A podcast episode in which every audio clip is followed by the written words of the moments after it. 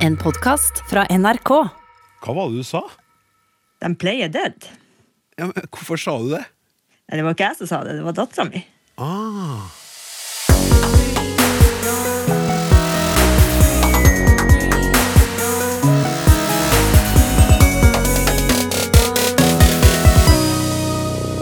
Hvor bra er det for et barn å lære seg flere språk samtidig? Hvorfor klinger Shakespeare så bra på trøndersk? Og i anledning morsdagen, skal vi hylle nasjonens mammaer eller mødre? Hjertelig velkommen til Språksnakk, hvor vi også ser på hvilke språklige utfordringer en ung flyktning står overfor ved ankomst til Norge, og vi skal få høre hvordan ord kan avsløre en overgriper på internett. Ukas ekspertpanel består av språkforsker Irmelin Kjelås, språkforsker Anne Dahl og språkforsker Kristine Bensen. Hyggelig å ha dere her. Takk, takk. Hyggelig. Takk, hyggelig å være her. En god del barn vokser opp med foreldre som har hvert sitt språk, og det får gjerne hørbare konsekvenser. Her er et lydklipp med ei tre år gammel jente som bor i Tromsø, og som har en overraskelse til faren sin. Legg merke til hva som skjer når hun føler at hun ikke blir forstått. Nå er det en julegave! You mean the blanket? Is this a Christmas present? Her er den! Oh, here. Is it wrapped up in here? Ja, Then er it gave til deg. Where's the present? This is the present. Oh, the blanket. Oh, thank you. It's a very nice blanket. Kristine Bensen, her hørte vi dattera di Elsa. Både du og din amerikanske mann er språkforskere, og dere har da rett og slett laga dere et perfekt forskningsobjekt. ja, det har vi. Eh, Jeg har vært interessert i flerspråklighet i mange år. eh, Og når eh, jeg da skulle få barn, og det viste seg at det kom til å bli et flerspråklig barn, så skjønte jeg jo at det her kom til å bli et forskningsobjekt.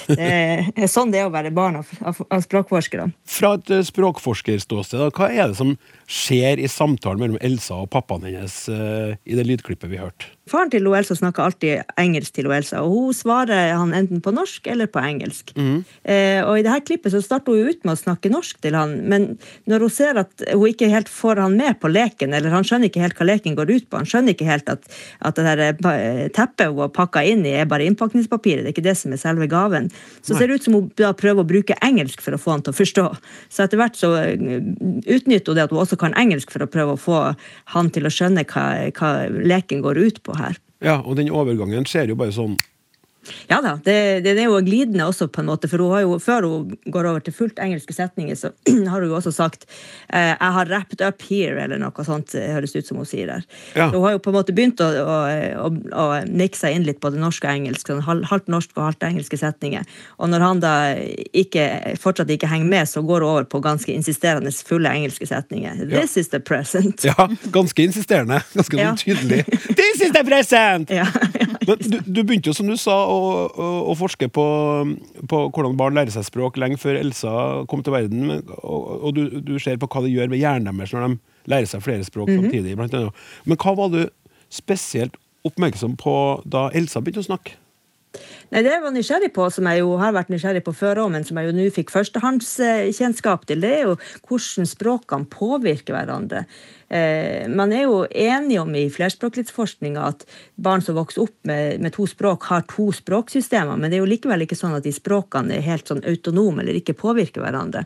Så man ser jo ofte hos flerspråklige barn at, at eh, det er påvirkning mellom språkene, og at de gjør akkurat sånn som hun Elsa gjør i det klippet, at de låner litt fra det ene språket til det andre språket. Mm. Det er på en måte en naturlig del av, av det å utvikle seg som flerspråklig. Så jeg var jo nysgjerrig på å se hva slags type påvirkning er det man får. Hvor er det språkene er mottakelige for påvirkning fra det andre språket? Hvordan utnytter de, de som er flerspråklige, at de har to språk? Hvordan bruker de den ressursen? Fulgte språkinnlæringa hennes den løypa som du hadde forventa, om du hadde noen forventninger i forhold til det? Eh, ja, i stor grad så gjorde det jo det. Altså, man vet jo aldri helt akkurat hva konsekvensen eller hva utfallet av en sånn tospråklig situasjon er, for det kommer jo litt an på hvilket språk som er dominant, språk, hvor mye de hører hvert av språkene. og i Elsas situasjon så har det jo vært faren primært som har vært hennes engelske eh, input. Det er jo mest fra han hun har hørt engelsk. I hvert fall da hun var liten. Nå hører hun jo engelsk rundt omkring, ellers har hun blitt litt større. Mm. men eh, Så språkbalanse vil jo ha noe å si for akkurat hvordan detaljene i, i påvirkninga blir. Men, eh, men hun har fulgt sånn forventa løp, på en måte, både i forhold til når de, de forskjellige språkene har kommet inn, og, og også en del av de tingene som jeg bare hadde lest om som forsker sånne artige eksempel som barn typisk gjør når de lærer seg to språk samtidig, fikk jeg jo også da servert på eh, middagsbordet. Men, men var det noe du ble overraska over? Ja, jeg, egentlig ble jeg litt overraska over at hun så lenge eh, ikke snakka engelsk til faren, selv om han alltid snakka engelsk til henne. Han har jo gjort det helt fra dag én, og hun har alltid svart ham på norsk. Ja. Eh, i, eller ikke alltid, men i stor grad har hun svart ham på norsk. Nå er det mye mer engelsk. men jeg var ikke helt forberedt på at det her med å være passiv flerspråklig, som jo er noe man faktisk snakker om, eh, at det egentlig er ganske vanlig at eh, flerspråklige barn i en periode kanskje ikke bruker det ene språket, selv om de helt klart forstår. Så de hadde jo lange samtaler hvor han snakker innvikla om noe på engelsk, og hun svarer på norsk. Så det er helt åpenbart at hun forsto han, selv om hun ikke nødvendigvis svarte engelsk tilbake. Men så begynte jo engelsken å komme. Ja da. Og, og da kom jo det en del artige ord og vendinger også. Ja. Som vi skal høre et eksempel på her. Hvorfor det? Fordi en klovn er på sirkuset hvis er i jail. I, ja, i fengsel, mener du? I et bur. Det er lekejail. Et lekefengsel. Ja, den pleier dead. Ja, det er jo så herlig å høre på. Uh, jail er inn der, og så er det Play a Dead. Ja da. Ja, hva gjør hun her? Hva, hva skjer? Nei, nå husker jeg ikke akkurat hva vi snakka om her, men, men eh, på dette tidspunktet så vi, befant vi oss i USA og hadde vært der i flere måneder. Og da hadde hun også begynt å blande språk litt med meg. Tidligere så har hun egentlig alltid snakka bare norsk med meg, men da var engelsken hennes blitt såpass aktivert etter at hun hadde gått på skole i USA, at da begynte hun å bruke mer engelsk med meg, sånn at da fikk jeg mye av denne blandinga her, når Mm. hun snakka norsk i lag. Eh, sånn at eh, hun kan jo ordet for leke på norsk, og, og kan jo ordet for fengsel på norsk. sånn at det var nok ikke det at hun trengte å hente det ordet som hun ikke kunne, men antageligvis så var hun så omgitt av engelsk kontekst da, at det var de engelske ordene som lå nærmest. Ja. Altså var mest aktivert, som da på en måte var de som kom ut i, i, i samtalen. ja, men så kommer de ut sånn med sånn Play Dead, som er å Ja, ja, ja. Jo- Det er jo også litt sånn typisk. Det har vi jo sett også når hun låner norske ord inn i engelsken, at de, de låner selve ordet inn, og så får de liksom bøyninga og grammatikken til det mottakerspråket. sånn at her har hun lånt inn verbet play, og så har hun tatt en norsk infinitivs-e på det. ikke Ja. Anne, Anne Dahl, hvilken effekt kan det ha på hjernen at eh, barn lærer seg to språk samtidig? Det har det jo vært mye diskusjon om eh, blant språkforskere. Eh, man trodde jo for mange tiår siden at det, at det kanskje hadde litt sånn dårlige effekter, at det var forvirrende for unger. Eh, det er vi helt sikre på i dag at det er det ikke. Det er ingen fare ved det. Altså, Når du sier helt sikker på i dag, vil det si at man kan være ikke helt sikker på det i morgen? Eh, Jeg tror vi kan være helt sikre på det i morgen også. Ok. Eh, Det som vi krangler om nå, er hvor gode effekter det har på hjernen. Altså Ah. hvor, hvor positivt er det for andre ting enn den åpenbare positive effekten at du kan to språk. Eh, Hvor positivt er det ellers? Og eh, det er mange som, som finner ting som tyder på at du, du blir faktisk bedre på en del sånne det vi kaller kognitive prosesser. Da, at hjernen din blir bedre på noen ting eh, av å være tospråklig, uten at vi helt har fått på plass hva vi er bedre på, og hvorfor og hvordan, eh, og om det skjer med alle tospråklige. Ja. Eh, Men at det har noen effekter på hjernen å bruke flere språk, det vet vi. Og at det ikke er noen effekter vi trenger å være bekymra for, det vet vi også. Ja, men det er fint. Ja. Ja. Men eh, har, har det noe betydning at det er norsk og engelsk Elsa driver og lærer seg? Ja, Ja. det har det jo. Eh, For det som Kristine nevner, det her med at, at Elsa i begynnelsen så ut til å på en måte foretrekke norsk og helst bare ville bruke norsk, det vet vi at det er veldig vanlig eh, hos, hos eh, tospråklige barn. At det er hjemmespråk eller det språket som ikke brukes rundt dem, som veldig ofte eh, forsvinner litt, eller som de ikke er så glad i å bruke like mye. Eh, og det problemet som som Kristine har sluppet kanskje å oppleve, og kanskje kommer til å slippe å oppleve, det er veldig mange foreldre ser at når ungene begynner på skolen og begynner å bevege seg ut i det norske samfunnet, så er det hjemmespråket som forsvinner. Og de har ikke så lyst til å bruke hjemmespråket lenger. Eh, og det gjelder særlig da hvis det språket de har snakka hjemme, ikke har noe særlig status i Norge, og de ikke møter det andre steder. Men er klart Elsa hun snakker engelsk, som er det kuleste språket i hele verden for eh, norske unger. Sånn at det er ingen som kommer til å rynke på nesa over at hun bruker det. Hun kommer til å møte det overalt. Hun kommer til å få input fra andre enn faren sin. Eh, og ikke minst, hvis hun da blander litt med språkene sine, så gjør det ingenting, for at alle rundt henne kan både norsk og engelsk og har muligheten til å, å, å skjønne hva hun sier, selv om hun bruker et engelsk ord i norsken sin. Ja, for vi, vi har jo tidligere i Språksnakk snakka om akkurat det med engelsk påvirkning på norsk, og du sa jo nettopp input. Og, og mange norske barn som ikke har eh, tospråklige foreldre, bruker jo mye engelsk i hverdagen Mm. sjøl, så der vil jeg jo sannsynligvis kli mye lettere inn. Men, men Irmelin Kjellås, det, det hender jo at mødre og fedre som kommer på helsestasjonen, får, får beskjed om at de ikke bør snakke mer enn ett språk til den lille babyen sin, eller lille barnet sitt. Og hvorfor skjer det? Nei, Det handler jo om det som Anne også er inne på. at Tidligere så tenkte en at dette kunne være forvirrende for et barn, eller uheldig på språkutviklinga. Man snakka om at det kunne føre til halvspråklighet. Man så for seg at man nærmest hadde bare et, et viss, en viss plass for språk i hjernen. Og hvis man lærte norsk, bare norsk, så fylte det opp hele plassen. Men hvis man da som Elsa da skulle lære både engelsk og norsk, så ble det på et vis bare halvparten til hver av de to språka. Det var faktisk en måte å tenke om det på. Og en del av den tenkninga, selv om man ikke tenker akkurat sånn nå, henger nok igjen. Det er ganske seigt, det her. Men ha, ha, hadde det noe betydning hvordan hvordan språk foreldrene eh, hadde i utgangspunktet? For den beskjeden de fikk, altså statusen til språket. Ja, jeg tror nok at, eh, at eh, det som Anne også er inne på, er sant, engelsk er, det er et veldig mye brukt språk, og det har en høy status, det har stor anerkjennelse. Jeg tenker at det vil nok ikke møtes med den samme problematiserende holdninga som om du kommer med urdu eller somali eller tigrinja, Tigrinja. som er eh, et språk i Eritrea. Ja. Akkurat. Nei, ja, så det har, har altså Hvordan det møtes, både ja, på helsestasjonen, som er eksempelet her, men også i skolen, eh, har jo mye med, med, med statusen til språket å gjøre også. Ja. Eh, eh, Kristine, jeg, skjønte som om, eh, om samisk, altså samiskspråklige også har opp, fått den samme beskjeden på helsestasjoner i Norge. Ja, ja, det har jo vært Det er jo ikke så lenge siden det var oppe i media igjen. Eh, mye, mye rundt det her at eh, samisktalende foreldre har fått, eh, fått beskjed på helsestasjonen at de eh, bør, bør velge det bort. Eh, og det er jo eh, ikke, ikke riktig å gi den beskjeden altså, til eh, det er, det er ikke godt råd, vil jeg Nei. si.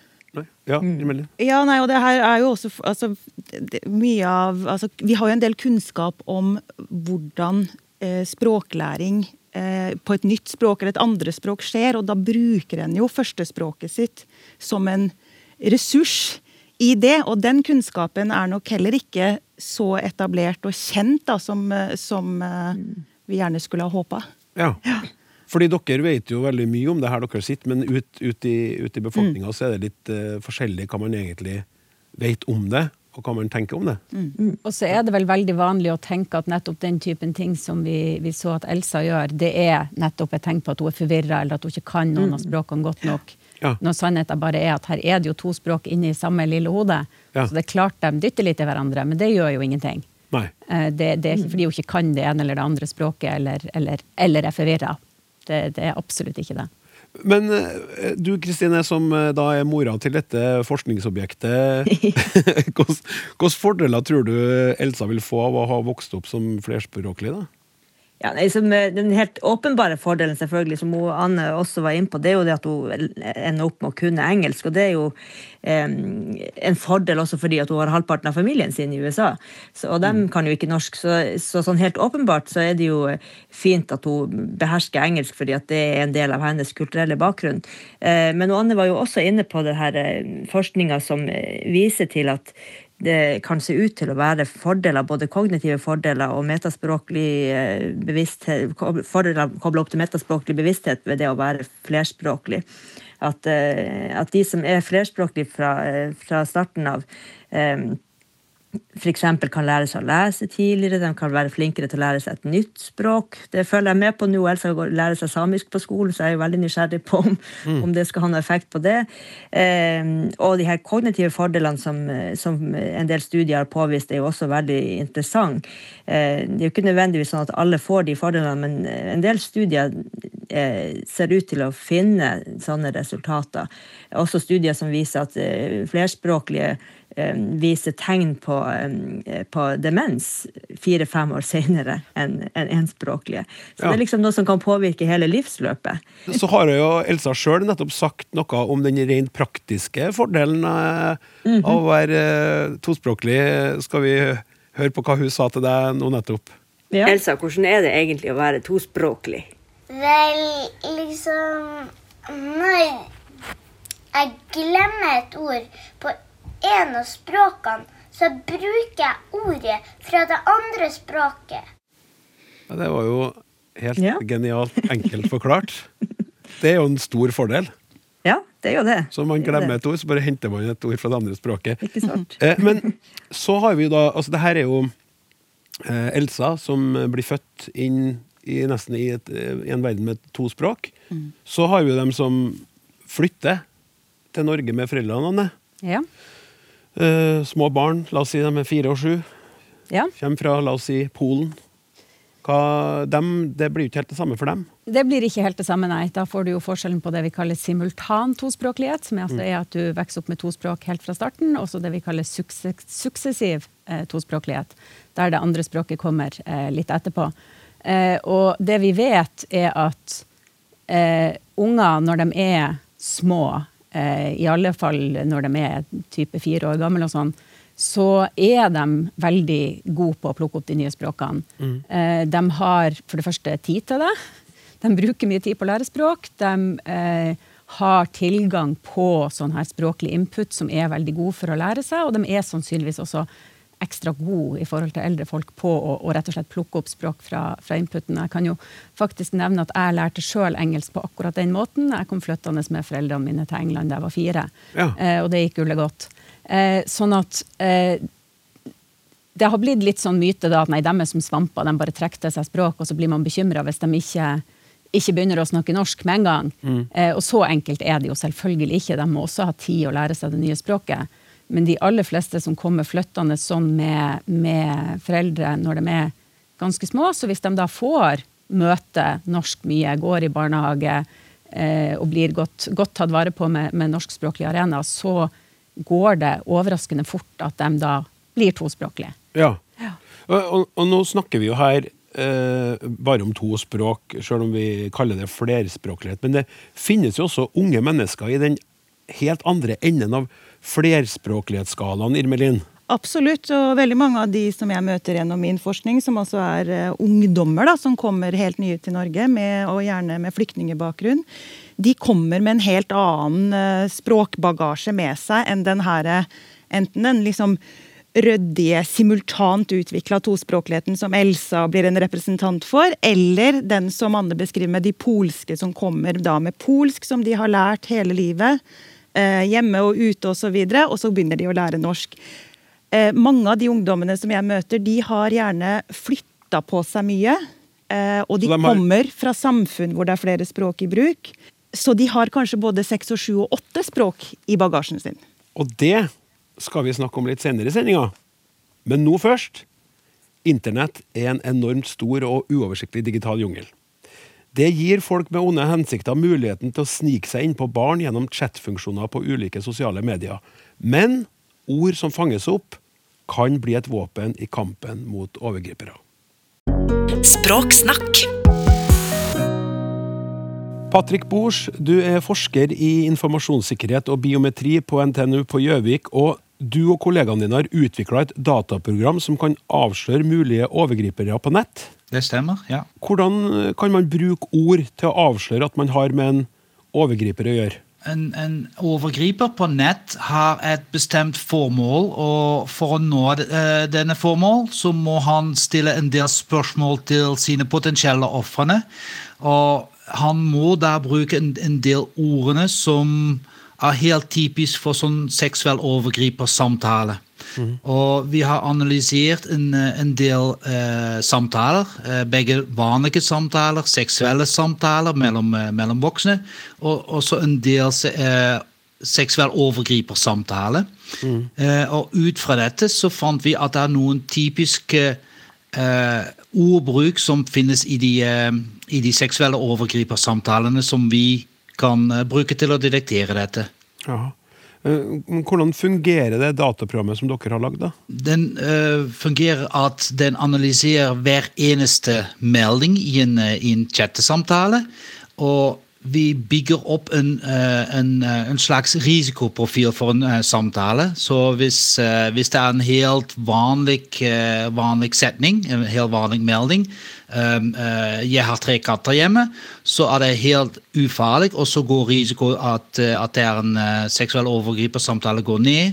Og hvis det er en, en, en farlig melding eh, Er mammaen din hjem, kjære eh, eh, sweetie? Der går eh, risiko opp. Og så risiko går opp, med hver, eh, opp eller ned med hver eneste melding. Og så helt til slutt, når risiko blir for høyt, da kan vi varsle en moderator som kan se på samtalen. Ja, så, så dere, eller dataprogrammet vekter ord på et vis? Ja. Eller? Ja. Ja, Vanligvis så eh, jobber eh, programværene med tall, og nå snakker vi selvfølgelig om, omsetninger, om forskjellige ord, men det finnes muligheter å sette over en, eh, en setning til en, en rekke med, med tall. Eh, og da bruker vi en metode som heter eh, på engelsk 'bag of words'. Uh, bruker vi en, en slags ordbok med masse forskjellige ord inni, inni den. Um, og så vi, tar vi en setning, og så ser vi hvilke ord fra ordboka uh, er inn i denne setning. Uh, og så setter vi over den setning til en, en, en lang numer, uh, numerisk rekke, hvor masse av de verdige er null. Det betyr at dette ordet er ikke i denne setning. Og en, en småtall er én, som betyr at ja, men dette ordet er i denne setningen. Og så har vi, så har vi masse meldinger for å lære opp et system, et, eh, et kunstig intelligenssystem, som vi sier at her har du en setning, sett den over til sånn uh, numerisk uh, tallrekke. Um, og dette er fra en seksuell overgripersamtale. Og denne setningen er fra en vanlig samtale. Så, så eh, kommer det tusenvis av setninger. Uh, for, uh, vi bruker til å opplære dette system, og så etterpå, når vi tester det, så kommer vi med en ny setning, og så spør vi systemet Tror du dette er fra en vanlig samtale eller fra en seksuell overgripersamtale? Og så kommer tilba eh, systemet tilbake med en score som sier hvor, uh, hvor mye den uh, kunstige intelligensen tror at dette er en, en, en melding fra en seksuell overgripersamtale. Ja. Kan du gi noen eksempler på, på ord og ordsammensetninger som er typisk her? Ja, Hva vi ser ofte i seksuelle overgripersamtaler, er at en overgriper spør masse til et, eh, til et potensielt offer. Mm. Så vi ser ofte ord som hvordan og hvem eller eh, hvor um, eller når. Eh, de dukker opp mye mer i en seksuell overgripersamtale enn i en eh, vanlig samtale. Eh, Så også ser vi at en seksuelle overgriper bruker ordene som 'sweetie', 'honey' for å, for å eh, snakke med sine, sine ofrene. Eh, også andre ting. Vi ser ofte at, at ordet 'bored' eh, eh, dukker opp veldig ofte. Ja, hvordan går det? Jeg er bored. En av de to sier 'jeg kjeder meg', eller 'jeg er hjemme alene', og sånne ting. Eller spørsmål om 'er du alene', ses, ses man ofte også. Hva om overgriperne lærer seg hvilke ord de skal unngå for ikke å bli avslørt? Det kan de til en, eh, til en bestemt høyde. Eh, en seksuell for, eh, for eksempel, På engelsk sier vi at en setning som 'Is your mom home, sweetie?' har en veldig høy risikoverdi. Eh, men hvis, hvis, hvis en overgriper plutselig skriver 'Is your mother home, sweetie?' Så er det fortsatt en høy, en høy verdi, men mye lavere enn den første, fordi vi, vi ser at uh, ordet 'mom' blir ofte brukt enn 'mother'. Uh, så han kan prøve å, å, å skifte ut ord med andre ord som betyr det samme, og, og prøve å unngå litt da. Uh, men så fant vi ut, og det var helt tilfeldig, det var ikke, ikke, med vilje, men vi fant ut at når vi detekterer seksuelle overgripersamtaler, at det ikke bare uh, setninger fra den seksuelle overgriper som uh, gjør at risiko stiger veldig krass, men også de svarene. Ja. En, en, overgriper kan kontrollere dette han skriver sjøl, men han har ikke kontroll over hva han får tilbake. Um, vi ser ofte at, eh, at eh, de barna skriver om daddy eller mommy. Eh, det er ikke ord jeg skulle, skulle ha brukt, men, men, barna bruker sånne ord som, som er helt vanlige. Og da, da blir de detektert uansett. Patrick Bors, jeg må si eh, det her er et viktig arbeid. Jeg ønsker dere lykke til videre med dataprogrammet. Jeg håper at eh, dere vil få tilgang på all den informasjonen dere trenger for å få gjort det dataprogrammet så klokt og eh, godt som mulig. Så lykke til videre med arbeidet. Tusen takk. Tidligere i programmet så snakka vi om fordelene man kan få av å lære seg to språk som barn. Men noen barn og unge har atskillig flere språk i bagasjen, og det gjelder bl.a. en gruppe som du kjenner godt, eh, Irmelin Kjellås. Jeg forsker jo med, eller på eller med, eh, ungdom med flyktningbakgrunn som kommer til Norge som 16-17-18-åringer og skal begynne å lære seg norsk. Uh, I utgangspunktet så hørtes det du sa noe ut som en ganske enkel greie. De kommer fra et annet land og hit mm. og skal lære seg norsk. Mm. Men det er jo mye mye mer nyansert enn som så. Ja, For da til forskjell sånn som vi sa i sted, til forskjell fra de her polske barna som kommer og gjerne har med seg ett språk, eller kanskje har de lært polsk og litt engelsk på skole i Polen, så er det en veldig mye mer sammensatt språkbakgrunn de her elevene ofte kommer inn i skolen med. De har gjerne reist mellom flere land, fra flere land. Og For å ta ett eksempel, eh, som kan kanskje høres litt eh, hva skal man si, satt på spissen ut, men som faktisk er en ganske vanlig eh, elev. Det er en afghansk gutt som da har eh, bodd i Afghanistan de første leveåra. Eh, lært seg både dari og pashto, som er to offisielle språk i Afghanistan. Og så har han i likhet med mange afghanere eh, flytta til Pakistan, nabolandet. Og der er det urdu som er offisielt språk. Eh, en del av de her eh, flyktningebarna og ungdommene de går på koranskoler, og der er det arabisk som er opplæringsspråk. Så da er vi oppe da, for denne guttens vedkommende oppe i dari pashto, urdu, arabisk. Ja, fire allerede. Og så går reisa da mot Europa, og mange har f.eks. en stopp i Tyrkia. Det gjelder også denne eh, gutten. bor der en periode, lærer seg en del tyrkisk. Eh, den ene gutten som jeg møtte, han har også hatt et opphold i Serbia og lært seg en del serbisk. Og så kommer han til Norge. Og da har han jo en helt annen språkbagasje med seg enn den her tenkte polske, eller de her tenkte polske elevene som vi snakka om i stad. Og der har vi både den her samtidige flerspråklige eh, utviklinga, som Elsa også hadde. Sant? Han har lært både dari og pashto fra han var liten. Men du har også den suksessive at det kommer inn flere språk etter hvert. Mm. Sånn at eh, den, den, språkprofilen hans da, den, den, er veldig mye mer sammensatt ja. enn den her litt mer sånn ryddige tospråkligheten. Mm. Eh, og den utfordrer oss litt, da. Eh, I skolesammenheng og i, i, i, vår måte å tenke flerspråklighet på. Mm. Eh, for vi tenker nok ofte også at det skal være ett eller kanskje to språk som er veldig sånn eh, grunnfesta, solide førstespråk, der man liksom både har muntlige ferdigheter og skriftlige ferdigheter. Sånn tenker vi gjerne. Mm. Men for denne gutten så har han ikke skriftlige ferdigheter i noen av språka sine. Noe som ikke er uvanlig for denne elevgruppa. At de kommer inn uten lese- og skriveferdigheter. Sånn at det, det er en helt annen språkprofil, da. Eh, og som, som selvfølgelig eh, stiller oss overfor noen utfordringer i, i opplæringa. da. Ja, men, men er det er, Bare for å ta det først, altså er det ingen sånn fordeler som denne gutten har med å komme med så mange språk? Masse fordeler. Ja, ja. Du må si noe om dem òg, for ja. blir alle så trist med en gang.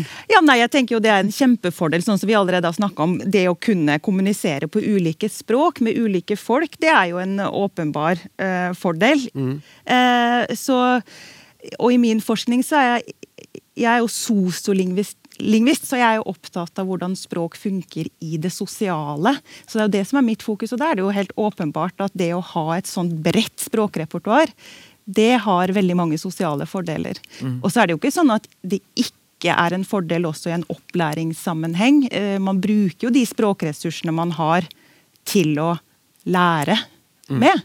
Mm. så det har mange fordeler. Eh, absolutt. Ja, Men jeg er kanskje ikke så opptatt av de kognitive i min forskning. Nei, nei. Jeg, jeg, skjønner. Mm. Uh, som kanskje ikke alltid er like lett å se med en gang heller, når det er så sammensatt. Men, men sånn som du sier, en sosial sammenheng, unge folk, det å kunne uh, bruke ord fra forskjellige språk, sette sammen til, til nye eller sånn versjoner. Uh, ikke sant? Ja. Det er no noe som vi ser mye av i dag i, i, i serier og filmer og hører på radio. Absolutt. Eh, vi kaller jo et, en term på det her er jo transspråking. ikke sant? At man, altså man overskrider språkgrensene og drar veksler på hele språkrepertoaret sitt i kommunikasjon. Mm. Eh, for, for, det kommunikative, men også for det mer performative. ikke sant? For, for stil og for å, for, som en form for sosial kapital da, mm. i, i, omgang med andre. Uh, så det er jo en, en, språkpraksis vi ser veldig mye mer av, og som vi etter hvert også ser mer av inn i skolen. Ja. kanskje har som, eh, som uh, ambisjon da, å ta en del av de språkpraksisene også inn i skolen, som jo ellers har vært veldig sånn ett språk av gangen og holdt det veldig adskilt. sant? I norsken så er det norsken som gjelder, og i engelsken så er det engelsken som gjelder. Ja. Mens vi kanskje kan tenke at vi kan, kan bryte litt opp i de her språkgrensene. Mm. Og ta på alvor den praksisen som f.eks. de her ungdommene da, eh, har, mm. språklig sett, og ta den også inn i klasserommet. Ja. Mm. Anne Dahl, du, du er en av lederne av Flere språk til flere.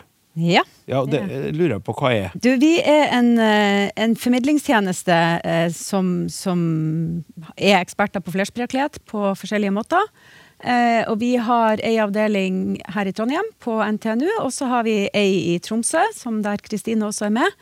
Eh, vi begynte ut mye med å snakke mye om, om denne typen ryddige barne-tospråklighet som vi har snakka om tidligere. Mm. Eh, og hjelpe familier med, med å lykkes med, med, med, å få tospråklige barn, eller lufte bekymringer, få ekspertråd. Eh, men nå etter hvert så kan vi veldig mye om veldig mange typer flerspråklighet, også fremmedspråksinnlæring og, og den ja, det, typen flerspråklighet som Irmelin snakker om. Ja, Hva tenker du om det som hun beskriver her, da? Hvis du bare kan ett språk, så er det lett å tenke at sånn skal det være på språk. Men kan du mange språk, og særlig med, med denne pakka av språk som Irmelin nevnte, som er veldig forskjellige språk, språk som ikke er i slekten av hverandre, som kan være veldig forskjellige, så det er mye lettere å forstå at ting kan være forskjellige på forskjellige språk. Mm. Legge merke til ting som faktisk er likt på språk man kan. Så man er mye flinkere til å fære og hente frem ting og tenke sånn er det kanskje på norsk, eller sånn mm. er det kanskje ikke på norsk. Ja. Enn hvis man bare kan et språk fra før. Elsa har vi jo brukt tidligere i programmet, Kristine, dattera di, som mm. da lærer seg eh, engelsk og norsk, eller norsk og engelsk, da. Eh, hvor viktig er det å allerede beherske engelsk når man skal lære seg f.eks. norsk. Og da tenker jeg da, når man kommer da med den her suksessive Er det ikke det dere har lært meg at det het? Suksessiv eh, eh, flerspråklighet. At man må lære seg et språk når man har vokst opp litt. Det å ha med engelsk eh, når man kommer, er det viktig?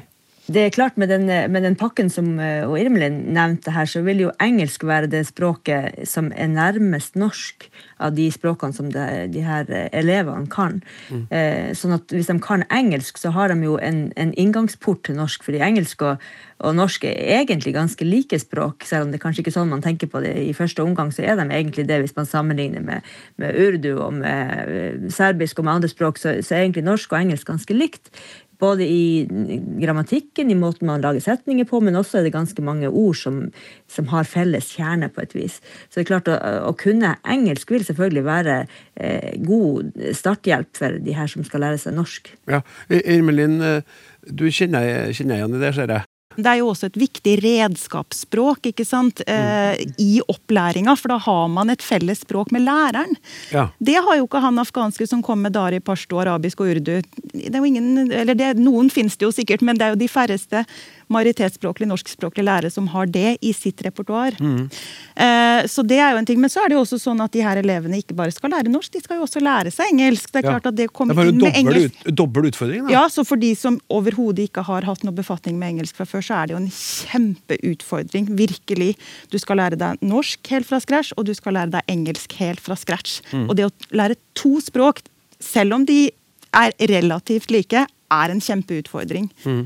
Så, så det, de står overfor en stor læringsoppgave. Og så er det klart at den norsken de her elevene skal lære, det er jo ikke bare en sånn turistnorsk. Det er jo ikke bare at de skal bestille to øl og en bussbillett. De skal jo lære fag også gjennom norsken sin. Ja, For i den norske skolen så har vi en ganske klar tanke om hvordan ting skal være per i dag. Ja, og det er jo norsk som er opplæringsspråket i den norske skolen, sånn at disse elevene da skal jo også lære seg naturfag gjennom norsk, og samfunnsfag gjennom norsk, og matte gjennom norsk. Eller på norsk, da. Og det er klart at det er, det er utfordrende. Hva bør gjøres for å gjøre det enklere eh, helt kort, for å gjøre det enklere for de her ungdommene som kommer og har det her Jeg tenker jo det der å, å, å anerkjenne og bygge videre på, ta inn det flerspråklige repertoaret deres og, og bygge opplæringa på det, da, og, og gi de rom for å bruke hele språkrepertoaret sitt i opplæringa, er veldig vesentlig. Og der har vi en lang vei å gå fortsatt i, det, i den norske skolen på akkurat det. Eh, Det er norsk som er opplæringsspråk, og man får relativt lite mulighet i norsk skole i dag til å bruke eh, den andre språkkompetansen sin i læring, både av språket og av fag. da. Ja. Så det er jo min sånn store kjepphest i det her, at vi må, vi må gjøre skolen mer flerspråklig, Ja. rett og slett. Og skjønn at det er, for å oppsummere, en styrke å ha mange språk med seg, ikke en svakhet. Nå er det på tide å ta imot ukas gjest i Ut med språket. Han er en pensjonert gårdbruker og pasjonert oversetter som mener Shakespeare på norsk er best på trøndersk.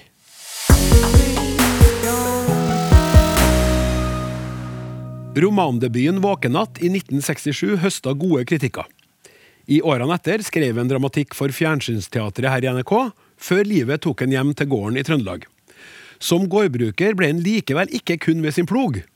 Nå er han nemlig aktuell som oversetter av Romeo og Juliet til sparbudialekt i Trøndelag Teaters kritikerroste oppsetning. Hans Magnus Ysgaard, velkommen. Takk. Du har nå oversatt Romeo og Juliet til eh, trøndersk, til sparbudialekt. Ja, egentlig til eh, trøndersk også. Ja, til trøndersk. Ja, til en litt utvida sparvedialekt. eller Litt innskrenka, kan du si. da. Ok, Og det har du gjort eh, fordi at Tr Trøndelag Teater har nå satt opp Romeo og Juliet i din oversettelse. Ja. Og du har sagt, blant annet til meg, at Shakespeare er best på trøndersk. Ja, det Han er vel best på, på originalen, tenker ja jeg, Ja, det visste jeg at du kom til å si, men, eh, men, men, men altså, hvis vi skal snakke om eh, i oversatt eh, norsk versjon, da. Ja, ja. Det, altså, å oversette trøndersk, eh, nei, Shakespeare til norsk, enten det nynorsk eller bokmål, det er helt umulig. Eh, Det er min, min oppfatning, da, min personlige oppfatning. Ja. Men å oversette den til trøndersk er, er, har vist seg veldig lett, fordi at vi har noe som heter for apokope, det tror jeg det heter. Ja. Altså vi, vi sløyfer en vokal til slutt i, slutten i ordet, mm. og så har vi muligheter til å trekke sammen ord. Og det gjør, gjør at uh, trøndersk da på mange vis ligner mer på engelsk, for de, engelsk har korte ord. Mm. Og da kan du på ei lita kort lin uttrykke veldig mye. Ja. Det, det, eh, sånn, er, sånn er likheten. Og så, sånn er, det er det som gjør at det er enklere å oversette til trøndersk enn til riksmål eller, eller nynorsk. Du eh, sitter her nå etter å ha gjort det her, men du har gjort mye annet eh, i livet ditt eh, når det gjelder skriving òg. og, og vi skal hoppe bare sånn bitte litt tilbake til nesten starten. For da du gikk på skolen, så var du allerede der så var du Nå flirer du. allerede der så var du skrivedyktig, altså som liten skolegutt. Hvor gikk du på skolen, forresten? Jeg gikk på Vollan skole i Sparbu, som nå selvsagt er nedlagt for 60 år siden. noe sånt. Helt i sørenden av Sparbu kommune heter det da, og som er Steinkjer kommune nå. Ja. Og der var du en skriveglad gutt. Nei, altså, så det var ikke spørsmål om å være glad eller ikke når du skulle skrive stil. Den skulle leveres da og da. Ja. Så det, Jeg kan ikke huske på at jeg var så veldig glad når jeg satte meg til. Men, Men, men læreren var i hvert fall glad i det du ja, han skrev. var glad i det. Han, eh, han la opp nesten alle stilene jeg skrev, og det var jo forferdelig. Jeg ønska at eh, jorda skulle sluke meg hver gang, men det gjorde hun ikke. Så, For han var begeistra for måten du skrev på. Ja. Nå sitter du her som en som har oversatt eh, Shakespeare opptil flere ganger. Så Jeg har du- oversatt fire Shakespeare-komedier pluss eh, ro, eh, Romeo og Juliet. Ja. Ja. Og nå er jeg nysgjerrig på hvordan det ble til. fordi at, altså Hvor dukka det opp igjen, den her skrivinga? Hvordan kom du på at du skulle begynne å sette over eh, Shakespeare til trøndersk? Det var, altså Sparbu teaterlag er jo på Innherred et ganske kjent, eh, en kjent institusjon. Og jeg var på en eh, hos en bærende kraft i Sparbu teaterlag som heter Andreas Hjelmstad. Og da kom formannen i teaterlaget bort til meg. Han visste jo at jeg har jobba i Fjernsynsteatret. Og spurte om ikke jeg kunne gjøre et eller annet for Sparbu teaterlag. Ja. Og det var litt ute på kvelden. Og det, det mangla ikke på traktering, da, så jeg har kanskje mista dømmekrafta litt. Grann, da, men jeg svarte iallfall at uh, jeg kan oversette en Midtsommernattstrøm til Sparebygg. Det sa du der og da? Det sa jeg der, ja. Og så tre-fire dager etter, og dette var, var i, i mai, Ja. så ringte han og sa at vi har bestemt oss for å sette opp en Midtsommernattstrøm til jul. Og det, hva jeg skulle gjøre? Altså, jeg har jo sagt at jeg skulle gjøre det. Og, og jeg har jo nesten inga tid på meg, for de måtte jo begynne øvelsene i september. ikke sant? Ja, ja, Og du var jo på vei inn i en veldig travel tid for en bonde, da. Ja, ja, ja. Jeg har jo full jobb. Men jeg satt jo om kveldene, og, og, og, og så merka jeg jo at dette her var jo ikke så vanskelig som jeg trodde. Det var jo ganske lett, egentlig. Ja, og, og, og, Jo, for der kommer jo inn akkurat det der med at vi har korte ord og, og, sammentrekningsmuligheter.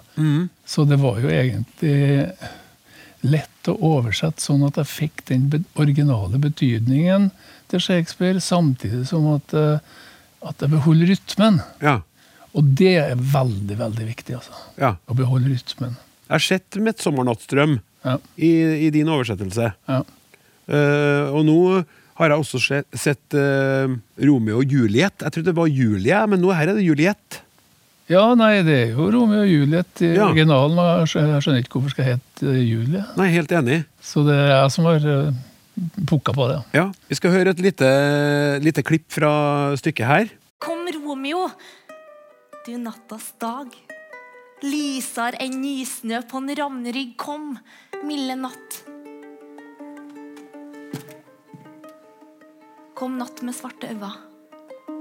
Gi meg min Romeo. Og når jeg dør, grip han og del han opp i små, små stjerner, og han vil gjøre himmelens ansikt vakkert, så hele Hvala vil elske selve natta, og alle bryr seg om den grelle sola. Ah! Jeg har kjøpt et hus for kjærlighet, men har ikke flytta inn.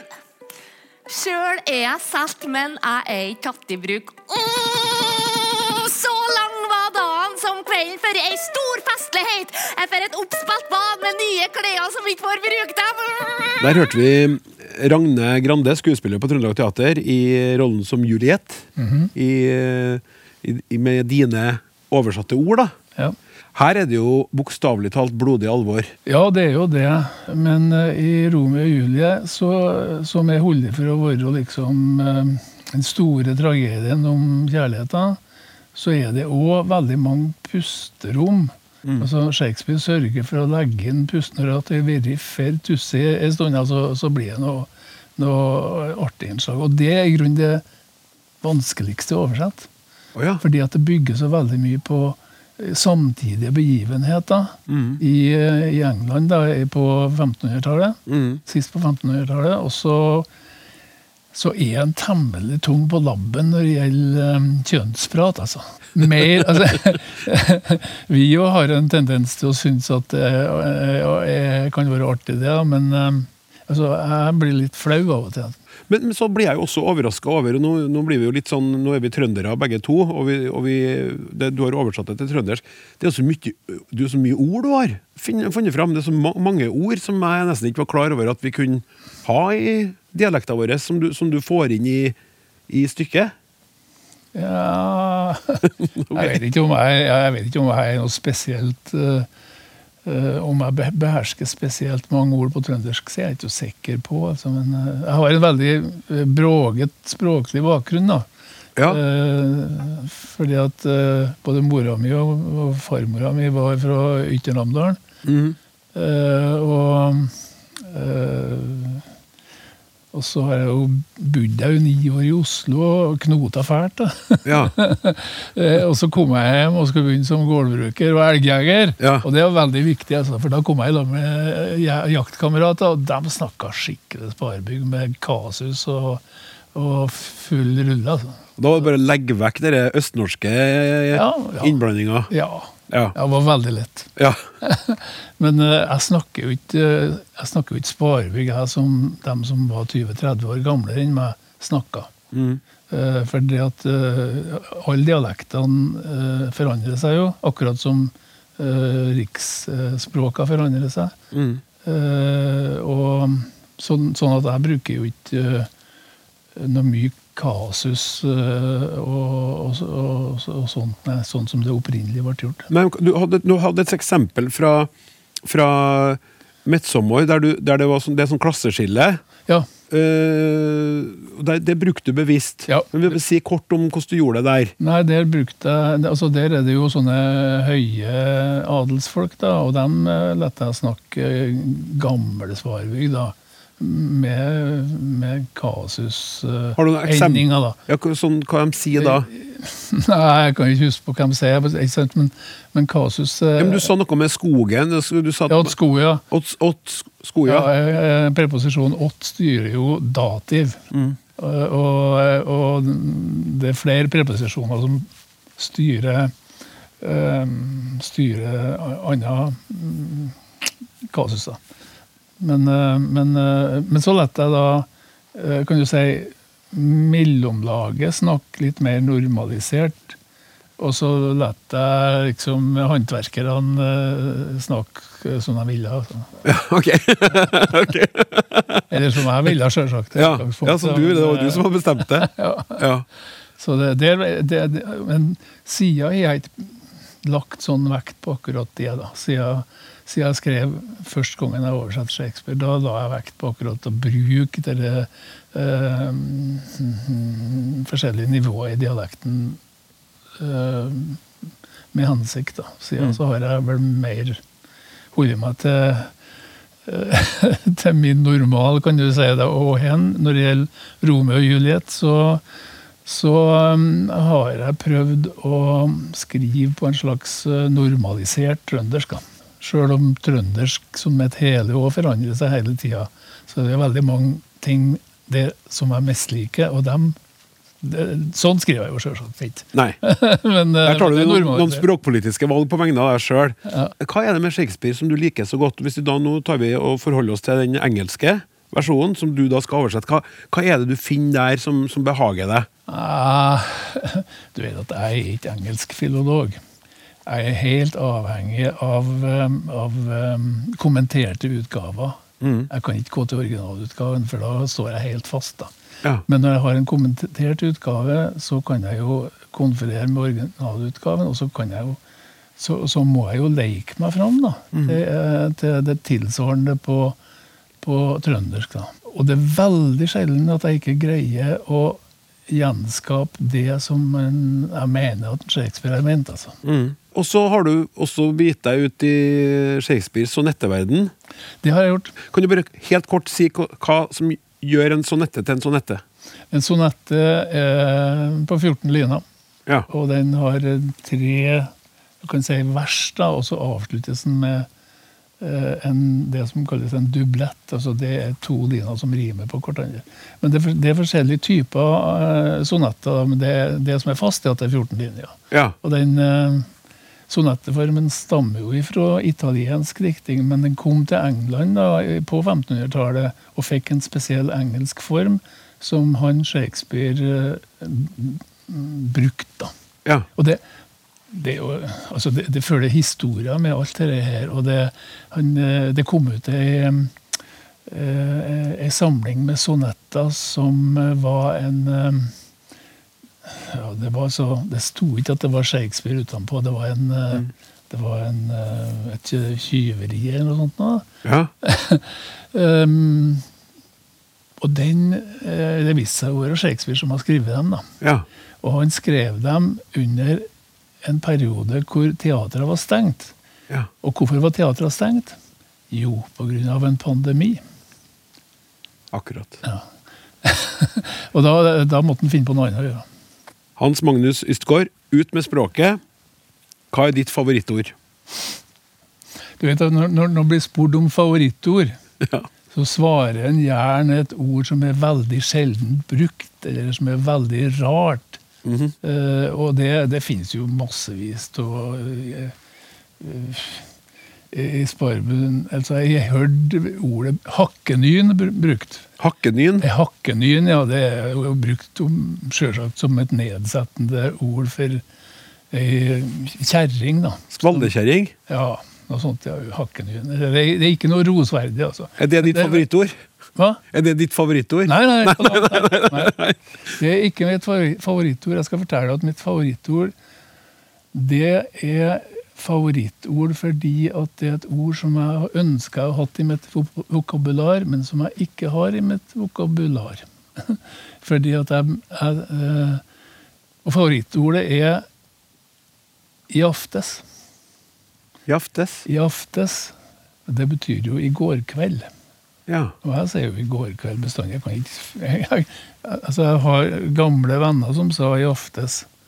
Og det skulle jeg gjerne ha, ha sagt sjøl, men det er aldri jo over mine lepper. Så det, mm, det er noe jeg skal trene på. Før jeg blir for gammel til å huske på det. det Tusen, tusen takk for at uh, du tok deg tid til å komme til Språksnakk. Lykke til med komedien som har skal settes opp i år, eller? I år blir det ikke satt opp noen komedie, nei. Nei. nei. Greit. Nå får vi konsentrere oss om Romeo og Juliet. Yes. Takk skal du ha. Jo, ingen årsak. Takk for at jeg fikk komme. Språksnakk i appen NRK Radio. Nå skal vi ta for oss eh, noen lytterspørsmål her i Språksnakk. Dem sender du inn til snakk, krøllalfa, nrk.no. Snakk, krøllalfa, nrk.no.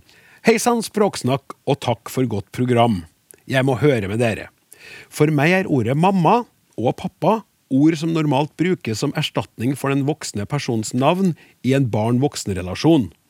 Når man omtaler andre, er det for meg helt unaturlig å bruke ordet mamma. Mammaen til Per sa at osv. For ikke snakke om flertallsformen mammaer og mammaene.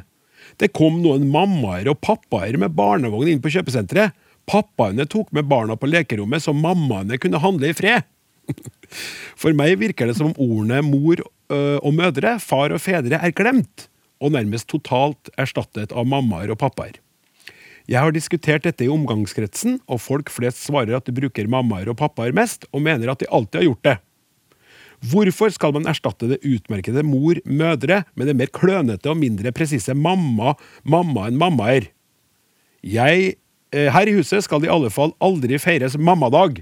Her blir det morsdag. Hilsen Jon. Og da spør jeg deg, Kristine, hva sier du, og hva tenker du? Ja, hva jeg sier? Jeg sier, jeg sier nok både mammaer og mødre, egentlig, og pappaer og fedre i, i denne, de her kontekstene. Eh, Jeg tror nok at det her handler om at for noen så er mamma og pappa mer eh, som et navn. At man, man, man antar det mer som et egennavn. Altså som et, eh, et navn sånn som Lise og Per og, og, og Jon og Kristine.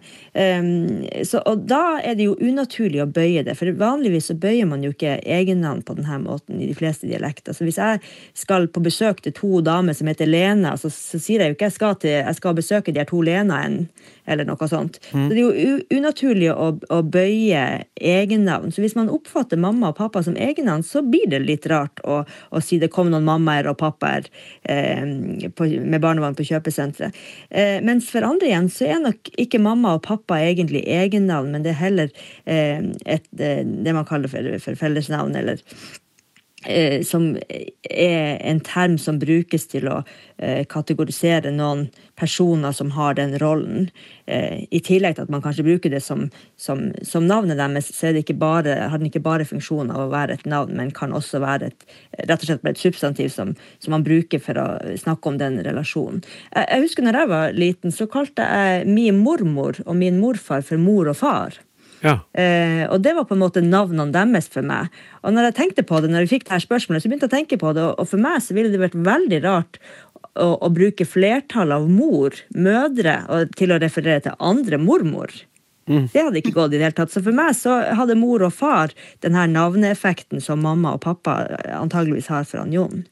Så jeg tror nok det handler mer om at, eh, at Og det er nok bare individuelt forskjellig hvordan man analyserer dem, de ordene her. Om man analyserer det som egennavn, eller om man analyserer det som eh, et annet substantiv som bare kan brukes som en, en beskrivelse av den personen det er snakk om. Ja. Men uh, da tenker jeg nå uansett at vi kan gratulere alle mammaer, mødre, med dagen i dag. Ja. Det Ja. er absolutt. Gratulerer med dagen. Takk. Ja. Språksnakk er snart ved veis ende. Straks skal forfatter, dramatiker og gårdbruker Hans Magnus Ystgård avslutte dagens sending med en egenkomponert sonette etter shakespearsk mal. Tusen takk til ukas panel. Tekniker er Martin Våge, produsent Hilde Håbjørg, redaksjonsmedlem Randi Lillealteren, og jeg heter Klaus Sonstad. Vi snakkes! De sier at barnebarn er livsdesserten. Det er sant. Fordi når sånn en liten sak ser tannløs mot oss, ja, da gjør den at livet blir mer mildt og søtt på smak. Vi toene fikk så mangt i livsens måltid. Det ble servert oss både surt og søtt salt. Nå sitter vi hen på huk så banet får til to fingre. Sjå, hun smiler alt. Hun kroer seg fornøyd og strekker låra. Hun strekker seg så godt og gjesper lat. Jeg ser på deg og tenker enn at åra kunne by oss på så søt en dessertmat. Det er nesten så det er ikke å tru. Men hovedretten, ja, det var nå du. Du har hørt en podkast fra NRK. Hør flere podkaster og din NRK-kanal i appen NRK Radio. Hei, mitt navn er eh, Sandeep Singh, og sammen med Abu Bakar Hussein, Hei, Galvan. Mehidi og Anders Nilsen Som heller ville være på dass enn å være her om oss. eh, Ja, det er jo ikke rart. Jovialt. Ja. Vi lager en podkast som heter Med all respekt, som du kan høre i appen NRK Radio. Og fordelen med at den heter Med all respekt, er at vi kan rett og slett si hva som helst.